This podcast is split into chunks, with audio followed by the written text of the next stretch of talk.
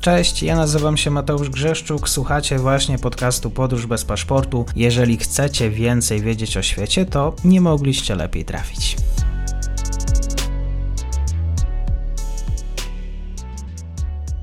Dzień dobry wszystkim słuchaczom. Dzisiaj już po dłuższej przerwie gościem audycji Podróż bez paszportu jest pan redaktor Michał Potocki, Dzień Gazeta Prawna. Dzień dobry. Dzień dobry. Mało się o nich mówi, coraz mniej też e, takich informacji akurat w polskich mediach. Wielu słuchaczy też wysłało tego typu wiadomości, maile. Co się dzieje dzisiaj właściwie z ukraińskimi oligarchami? E, wcześniej, że tak powiem, byli ważnym elementem życia politycznego na Ukrainie, no, a dzisiaj właśnie. Dzisiaj są mniej istotnym elementem życia politycznego, bo samo życie polityczne zeszło na dalszy plan. Co prawda, polityka, e, nikt polityki nie likwidował i ta polityka trochę zaczyna na Ukrainę wracać, zwłaszcza po, e, po początku kwietnia, kiedy Rosjanie wycofali się spod Kijowa i kiedy stolica zrobiła się, kiedy w stolicy zrobiło się trochę bezpieczniej, to zaczęły z powrotem wychodzić na powierzchnię te dyskusje, spory i, i bitwy między politykami, które były aktualne przed 24 lutego. E, natomiast oligarchowie rzeczywiście są dużo mniej widoczni, w tym sensie, że no po pierwsze większość z nich e, opuściła Ukrainę tuż przed, tuż przed rozpoczęciem rosyjskiej inwazji. Można to różnie określać, można to określić właśnie opuszczeniem Ukrainy, można to określić ucieczką, sprzed, ucieczką z kraju z obawy przed wojną, ale można to określić określić równie dobrze rozjechaniem się po domach, dlatego że ci ludzie i tak w większości na stałe żyli w Szwajcarii, Wielkiej Brytanii itd., tak itd. Tak Natomiast fakt jest faktem, że większości z nich na Ukrainie nie ma, z dość istotnym wyjątkiem, prawdopodobnym wyjątkiem Igora Kołomojskiego, e, jednego z bogatszych Ukraińców, który pewnie też by wyjechał z Ukrainy, gdyby nie to, że jest poszukiwany amerykańskim listem gończym, a ponieważ nie jest w stanie, e, ponieważ przestrzeń powietrzna nad Ukrainą jest zamknięta, nie jest w stanie bezpośrednio dostać się z Ukrainy do Izraela, którego paszport posiada i który swoich obywateli nie wydaje.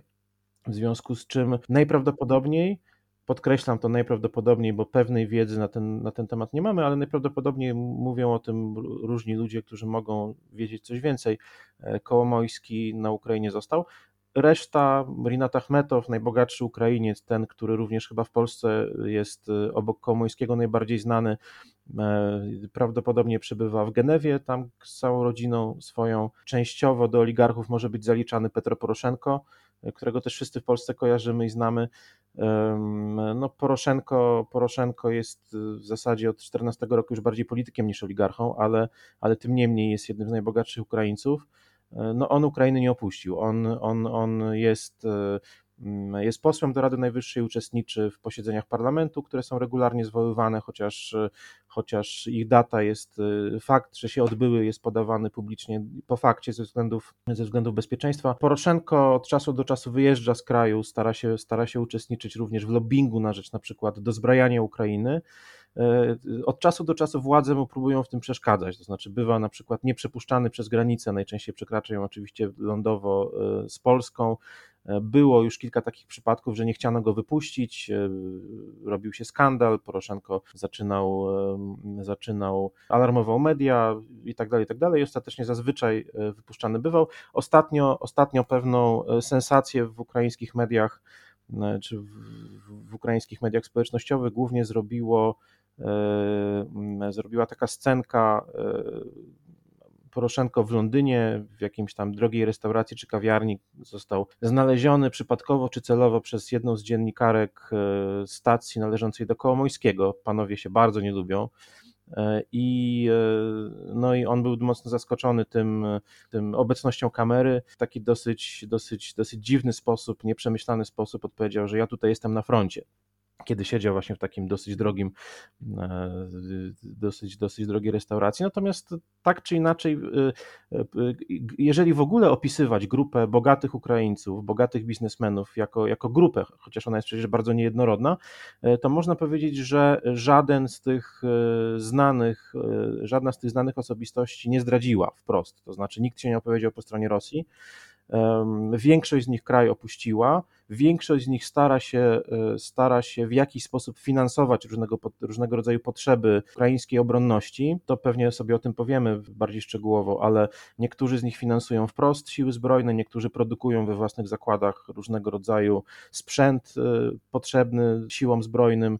E, niektórzy wspierają, wspierają różnego rodzaju akcje humanitarne, dobroczynne. Wszyscy starają się pokazywać, że są przydatni, że to jest wspólna wojna wszystkich, od najbogatszych po, po biedniejszych. Znów z jednym wyjątkiem Igora Komońskiego, który udał się na kompletną wewnętrzną emigrację, E, jest o nim cicho, nie pojawił się, ani publicznie się nie pojawił, ani nie wypowiedział się publicznie od e, rozpoczęcia inwazji. Z tego, co mówią źródła w Dnieprze, czyli w jego rodzinnym mieście, e, nie wykazuje również zainteresowania wspieraniem, wspieraniem jakimkolwiek wspieraniem potrzeb obrony kraju.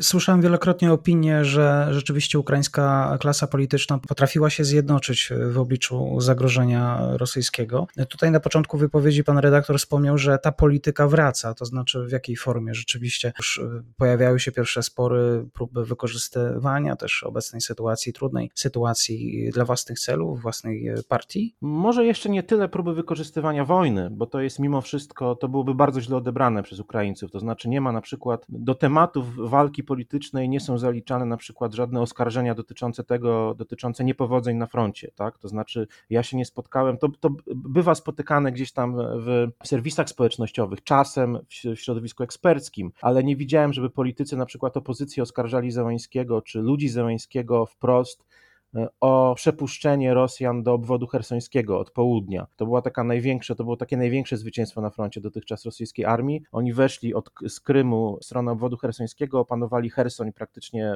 bardzo, bardzo szybko, e, błyskawicznie doszli do Dniepru, potem poszli na wschód i dzięki temu otoczyli Mariupol i później ten Mariupol Opór w Mariupolu został, został no, po wielu oczywiście problemach i trudnościach po bohaterskiej obronie tego miasta, ale został zbawiony. I całe to opanowanie południa wynika z, z niepowodzeń. Prawdopodobnie również tam były elementy zdrady w pierwszych godzinach wojny. To jest temat, który jeszcze uderzy na Ukrainie, prawdopodobnie kiedy wojna przycichnie, gdzieś tam się zamrozi albo skończy się jakimś, jakimś, jakimś innym rozstrzygnięciem. Natomiast na razie to nie jest przez polityków wprost e, wykorzystywane. Z drugiej strony wracają w zasadzie te stare dyskusje jeszcze sprzed agresji rosyjskiej, sprzed rosyjskiej inwazji. E, no przede wszystkim spór taki konstytuujący ostatni, w ostatnich miesiącach przed inwazją, a w zasadzie w ostatnie dwa lata, trzy lata, ukraińską politykę, to znaczy spór pomiędzy obozem, e, obecnym obozem władzy, a poprzednim obozem władzy, no personifikowany przez Włodymyra Załęskiego z jednej strony i Petra Poroszenkę z drugiej. Poroszenko, ludzie Poroszenki tradycyjnie przed inwazją oskarżali Załęskiego przede wszystkim o zbytnią ugodowość, brak doświadczenia i niedocenianie tego komponentu bezpieczeństwa i obrony w polityce państwa. No po tym, w jaki sposób obóz władzy się zaprezentował, a zwłaszcza prezydent po 24 lutego, akurat ten argument trochę, trochę upadł. Natomiast z drugiej strony Zełański oskarżał Poroszenkę o no, wszystkie możliwe grzechy całej klasy politycznej ukraińskiej, to znaczy o korupcję, o nepotyzm, chociaż akurat e, otoczenie Zełańskiego ma w, w sferze nepotyzmu i własne osiągnięcia, oraz o związki, o wypromowanie niejako Wiktora Medwedczuka, lidera rosyjskiej piątej kolumny, który rzeczywiście za czasów Poroszenki wrócił do życia politycznego i wrócił do życia biznesowego. I takim bardzo wyraźnym sygnałem, że polityka wraca, było tuż po tym, jak Medwedczuk został ponownie zatrzymany przez Służbę Bezpieczeństwa Ukrainy, ponieważ ciążą na nim, jest oskarżony o, o, o zdradę i finansowanie terroryzmu.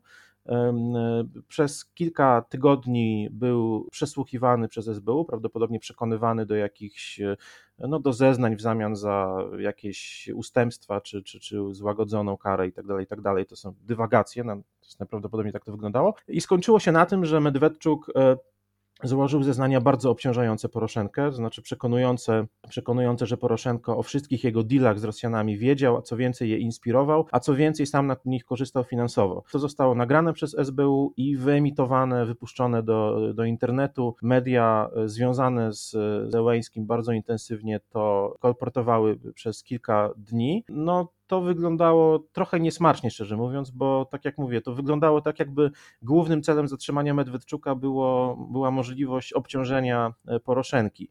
W tych zeznaniach to nie jest tak, że te zeznania były kompletnie od czapy i nie mające nic wspólnego z rzeczywistością, ale przynajmniej z tej wiedzy, którą mamy, którą można oceniać, no one były mocno jednak, powiedziałbym eufemistycznie, jednostronne. I, I w tym sensie jakby co prawda Poroszenko, być może Państwo pamiętają, jeszcze w grudniu ubiegłego roku była, było posiedzenie, była próba, takie plany czy pomysły zatrzymania Poroszenki i wtrącenia go do aresztu, właśnie pod zarzu za zarzutami związanymi ze współpracą z, z Medwedczukiem, czyli z finansowaniem terroryzmu, czyli para państw na Donbasie i takimi niejasnymi kontaktami z Rosją. Było posiedzenie nawet e, sądu, który miał, który miał e, zdecydować o środku zapobiegawczym. Dużo się mówiło o tym, że są dyskusje w obozie władzy, że rzeczywiście takim docelowym środkiem powinien być areszt dla, dla lidera opozycji. Tam wtedy mocno zaangażował się Zachód w to, żeby jednak przekonać Zełenskiego, że nie jest to najlepszy pomysł, zwłaszcza, e, zwłaszcza w kontekście no, już dojrzewającej rosyjskiej inwazji. I skończyło się rzeczywiście uznaniem E, czy decyzją sądu o takim najłagodniejszym środku zapobiegawczym, jakim na Ukrainie jest e, osobiste zobowiązanie do współpracy ze śledztwem i, i zatrzymanie paszportu. Natomiast to zatrzymanie paszportu e, miało trwać, ten środek zapobiegawczy miał trwać, o ile dobrze pamiętam, 3 miesiące albo 6 miesięcy. Tak czy inaczej już upłynął okres tego środka zapobiegawczego. On nie został przedłużony, czyli Poroszenko znów jest człowiekiem mającym pełną, korzystający z pełnej wolności, no poza tym ograniczeniem, że jego wyjazdy muszą być uzgadniane, jest deputowanym, więc muszą być uzgadniane z marszałkiem, e, z przewodniczącym parlamentu. Co też, tak jak wcześniej wspominałem, nie zawsze gwarantuje mu swobodny wyjazd z kraju, e, no ale to już jest inna historia. Tak czy inaczej, ten spór Zełańskiego i Poroszenki, Zełański słusznie, e, Zełański słusznie uznaje Poroszenkę za głównego rywala politycznego i to jest tak naprawdę no, element mocno przedwczesnej, ale kampanii, kampanii reelekcyjnej, kampanii wyborczej, chociaż nikt nie wie, kiedy wybory będą mogły się odbyć, bo oczywiście na Ukrainie, tak jak w większości państw, kiedy jest, obowiązuje konstytucyjny stan wojny, to wybory nie mogą się odbywać, więc wyborów nie będzie do końca, przynajmniej stanu wojny. Bieżąca ukraińska polityka i sytuacja e, oligarchów. E, pan redaktor Michał Potocki, bardzo dziękuję za komentarz. Dziękuję serdecznie, do usłyszenia.